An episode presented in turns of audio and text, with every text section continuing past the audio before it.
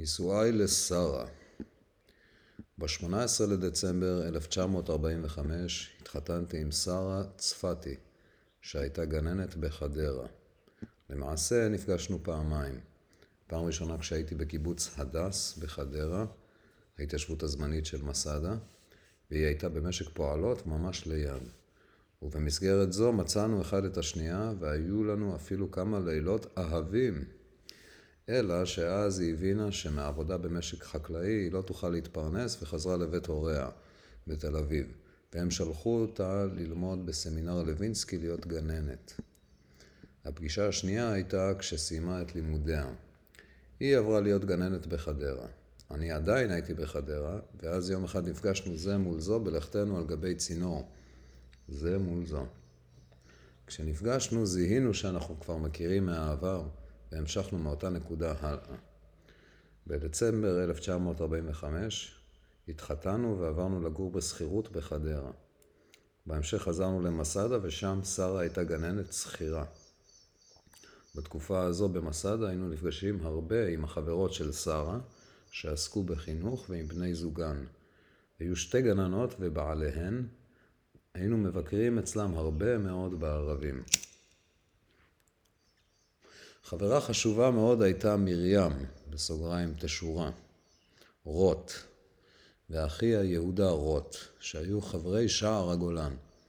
מרים הייתה מיוחדת במינה, וכולם העריצו אותה. הייתה לה השכלה רחבה, ומבחינה חינוכית היא הייתה האורים והאטומים של אנשי החינוך בכל הנוגע בחינוך ילדי הגן. גיסתי הביטה על כך בצורה מאוד לא יפה, שאנחנו מבקרים חברים בקיבוץ של השומר הצעיר. מאחר ששרה הייתה בתנועת השומר הצעיר בצעירותה, היא גרה ברחוב מלצ'ט 57 בתל אביב. זה היה בית אחד משדרות בן ציון שהובילו למלך ג'ורג' ומשם לביגורשוב, שבו הייתה מתכנסת התנועה של השומר הצעיר. וכך היא התחברה בקלות עם חברי התנועה, גם לאחר מכן בקיבוצים. היה הבדל גדול מאוד בין מסדה לשאר הגולן. קודם כל מבחינה תרבותית. הרמה הייתה שונה מאוד. מסדה היו שייכים לתנועת גורדוניה.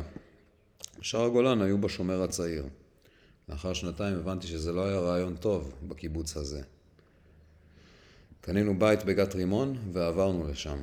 שרה קיבלה עבודה כגננת בפתח תקווה, ושם היינו עד שעברתי לתל נוף סביב 1978. שרה גרה בחדרה בתקופת עבודתה כגננת ביחד עם חברתה הטובה צפרירה שגם ניגנה בפסנתר. הן שכרו יחד דירה לא רחוק ממשק פועלות בפר... בפרברי חדרה. וצפרירה היה חבר בקיבוץ דגניה, בקיבוץ ד', שמאוחר יותר הפך ליקום, ושמו היה צדוק אשל. הם התחתנו גם, עזבו את הקיבוץ ועברו לחיפה. היא הייתה מפקחת והוא היה עיתונאי. כל השנים שמרנו על קשרים טובים, וגם יצאנו ביחד לבלות ולקונצרטים. אחרי כשנה, ב-1945, כשגרנו בחדרה ועבדתי על הטרקטור, ושרה הייתה גננת. הרווחתי כסף והחלטתי ללמוד טיס. ניגשתי לחברת אווירון, שהם היו בית ספר לטיס של ההגנה. ביקשתי להירשם ללמוד טיסה והתקבלתי לקורס. מנהל חברת אווירון היה יצחק בן יעקב שהיה מדגניה א'. ולמעשה, הוא היה למעשה קרוב משפחה של אשתי. סבתא של חמי הייתה אחותו של יצחק בן יעקב. הוא שלח סרטיפיקטים לכל המשפחה. הם היו משפחה גדולה, חמולה. לאחר שהתקבלתי לקורס טיס, הכירו אותי עוד ממסדה. גרתי בנען ושרה נשארה בחדרה. גם שם עבדתי על טרקטור וקיבלתי את הטרקטור הכי גדול שהיה להם. כולם קינאו בי שאני לא חבר פלמ"ח, ובכל זאת אני נוהג בטרקטור הכי גדול בקיבוץ. זאת הייתה עדיין תקופת המנדט הבריטי. את הקורס עשינו בשדה תעופה מעפר שהיה ברמלה, תחת הפיקוח של מחלקת התעופה האזרחית של המנדט הבריטי. כל יום הייתי נוסע בבוקר באופניים לרמלה וחוזר בצהריים לנען. שם הייתי עובד במשמרת השנייה על הטרקטור. בקורס היינו ארבעה אנשים, פישר, בראון, אני ועוד מישהו. כולנו למדנו להטיס דו-מנועיים. אחר כך נשארתי להדריך נווטים ואלחוטאים על המטוסים הללו. ברישיון הטיס כתבו שאני יכול להטיס את כל סוגי המטוסים. רק אחר כך תיקנו את זה, כי למעשה אני סיימתי קורס להטסת מטוסים דו-מנועיים בלבד, שלוש נקודות. בסיום הקורס קיבלתי את תעודת הטיס. בשירות הצבא ב-14 לדצמבר 1947, בהיותי עתודאי של הפלמ"ח, גויסתי על ידו לחטיבת הנגב. באותו לילה הגענו לקיבוץ בארי שבנגב. הם היו במצור ואי אפשר היה להגיע אלא בדרכים עוקפות. לא היה עם מי לדבר, למרות שאמרתי שאני טייס, אבל היו צריכים אותי על הקרקע. באחד הימים הגענו דרך קו המים לניר עם, וראיתי שיש שדה תעופה קטן ופגשתי את עזר ויצמן. הוא הכיר אותי ושאל אותי מה אני עושה שם. הוא מיד שלף אותי בחזרה לחיל האוויר. אף אחד לא התרגש שעזבתי אותם. מסתבר שמי שגויס דרך ש"א, בסוגריים שירות אוויר, לא היה אז חיל האוויר, נלקח להכשרה בבית ספר של ההסתדרות בשדרות חן בתל אביב. בהכשרה הם קיבלו השלמה של מקצועות הלימוד הבסיסיים כמו מתמטיקה וכולי, ואני הפסדתי זאת בגלל שלא הייתי איתם. למעשה זה היה קורס הטיס הראשון שנקרא קורס מינוס אחד, ורק אחר כך התחילו לעשות קורסי טיס סדירים. ואני הפסדתי את זה בגלל שגויסתי כאיש רזרבה של הפלמ"ח. השלמת קורס טיס במסגרת חיל האוויר. היות והייתי קצין, ביקשתי לעבור קורס טיס רגיל בבית הספר לטיסה בסירקין. שימשתי, שימשתי כמדריך למכשיר לינק, שהוא, מין, שהוא תבנית של מטוס, ויש להפעילו על ידי מתן פקודות מתאימות. מין סימולטור שאז נחשב לשיא הטכנולוגיה. כשנפתח, כשנפתח קורס טיס מספר 2, הצטרפתי אליו יחד עם חברי הקצין ביל ארד. היינו בסך הכל 19 חניכים.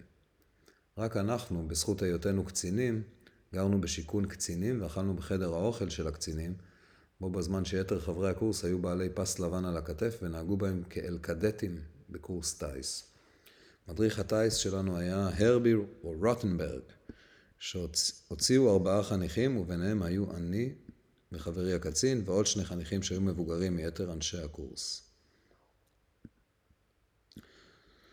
נועדו להתחיל את הקורס במטוסים דו-מנועיים, מטוס קונסול אנגלי ומטוס אנגלי נוסף. היו לנו שני מדריכים ומנהל בית הספר לסלי איסטרמן, שעסק, טיסה, שעסק רק במבחני טיסה. עם גמר קורס הטיס המשכתי כמה חודשים להדריך נווטים ואלחוטאים. לאחר מכן הועברתי למטה חיל האוויר, ושימשתי כשליש של קצין מבצעים ראשי של חיל האוויר, סגן האלוף בוניסלבסקי, סוגריים בונה. בתפקיד זה עבדתי כשישה חודשים עם איש חכם, ממנו, שממנו למדתי דברים רבים, על עבודת מטה ועל קשרים בין אישיים. החיים במרחביה כשסיימתי קורס טיס החלטנו לעבור למרחביה. ב-1948 שירתתי כטייס סיור במטוסים קלים, מתוך בסיס חיל האוויר ברמת דוד. הייתי חוזר ערב ערב הביתה לקיבוץ מרחביה, שבו נתקבלנו כחברי קיבוץ. עם כניסתנו לקיבוץ הודעתי למזכירות הקיבוץ, שהיות והתחנכתי בקבוצת מסדה, שהיו חניכי תנועת גורדוניה, הייתי חבר מפלגת פועלי ארץ ישראל, ואיני הופך בן לילה לאיש מפ"ם.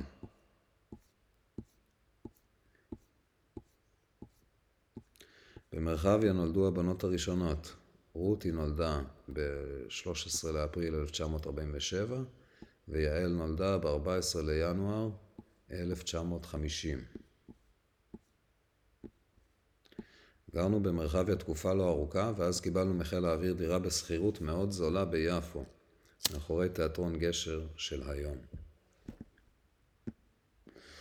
התכוננו לעבור, קנינו רהיטים, אבל בדיוק אז התפנתה דירה ברחוב השופטים 26 בתל אביב, והחלטנו לעבור אליה. להורים של יצחק בן יעקב הייתה דירה ברחוב השופטים בתל אביב. לאחר שנפטרה אמו, נשארה המטפלת דינה. מאחר שהדירה הועברה בירושה להורים של שרה, בזכות הקרבה המשפחתית ביניהם, הם הציעו לנו לגור בה יחד עם, יחד עם המטפלת. לאחר תקופה לא ארוכה עזבנו את תל אביב ועברנו לגור בגבעת ברנר. שם נולדה מיכל ב-15 לתשיעי 1954. מיכל כמובן נולדה ב-21 לתשיעי 1954. לאחר מכן, ב-1954, הציע לי בוני לעבור לטייסת 69, שהייתה טייסת המפציצים הכבדים של חיל האוויר, ה-B-17. מפקד הטייסת היה רב סרן מישה כנר. צוות המטוס כלל שני טייסים, נווט, מטילן הפצצות וארבעה מקלענים אוויריים. עיקר העבודה בטייסת היה לימוד יסודי של המטוס, כולל טעינת ארבע וחצי טון פצצות והטלתן על מטווחים שסומנו כמת... כמטווחים על מפות מתאימות לאימון צוותי המפציצים.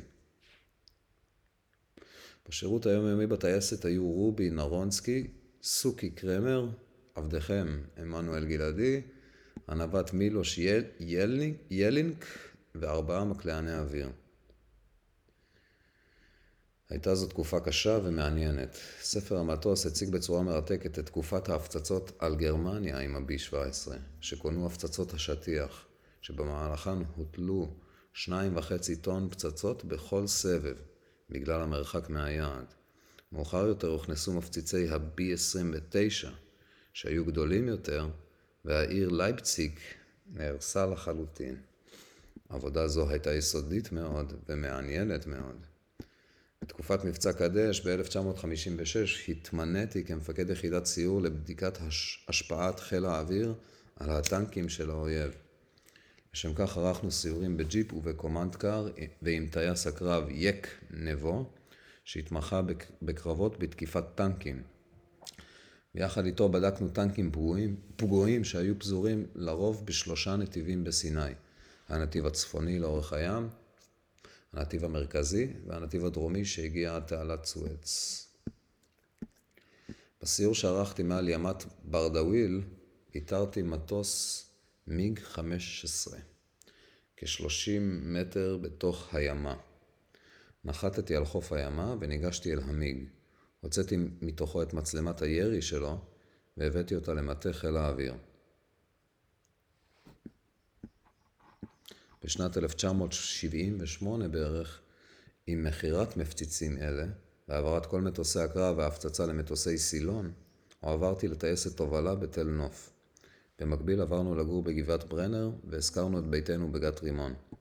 שם לשרה הייתה עבודה כמורה, ועם תמורה הולמת, ואני הייתי קרוב לבסיס שלי בתל נוף, ויכול, ויכולתי לחזור כל ערב הביתה. טייסת התובלה כללה בעיקר מטוסי דקוטה. לאחר מכן התקבלו מטוסי נורט דו-מנועיים שבהם טסתי מספר מוגבל של שעות. לאחר תקופה קצרה עברתי לתפקיד של בקר טיסה, ושם שירתתי עד שחרורי מהצבא.